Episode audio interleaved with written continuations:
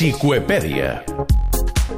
Nova edició de la Xicoepèdia. Avui versa sobre la Marató de Nova York perquè ahir s'hi va viure un moment històric amb la victòria, Marta Garcia, bona vespre, Bona vespre. d'una atleta nord-americana a una de les eh, maratons més mítiques del planeta. Sí, i este és el moment, el so ambient de l'arribada de Shalane Flanagan després de córrer els 42 quilòmetres i 195 metres pels 5 districtes de Nova York.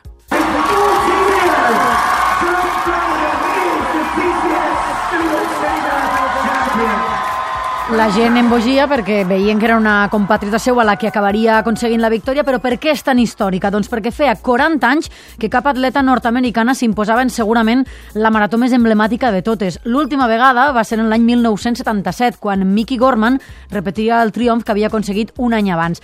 La victòria d'ahir de Flanagan també és històrica perquè lluny de Nova York feia també 11 anys que cap atleta nord-americana aconseguia una victòria en alguna de les majors, que són les maratons més importants del món, la llista de sis maratons. Doncs bé, va ser l'última en el 2006 amb la victòria de Dina Castor en Londres.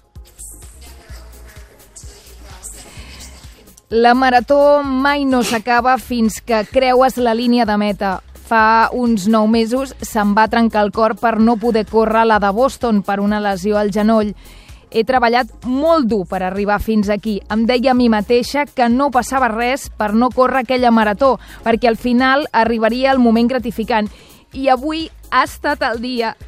He somiat en aquest moment des de que era una nena petita. Impressionant, les dots atlètiques i també actorals de Jordina Tarré. Sí, sí, jo no...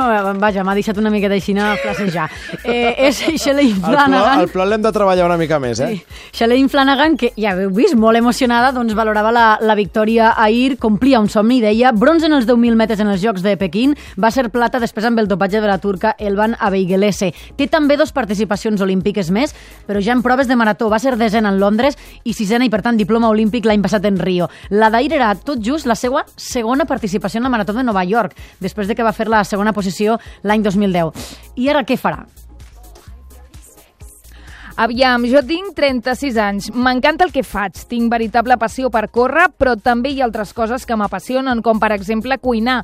Així que crec que hi ha altres maneres en les que puc contribuir en el món de l'esport, com per exemple entrenar altres dones, aportar-los consells i, com et dic, també hi ha altres coses que m'apassionen.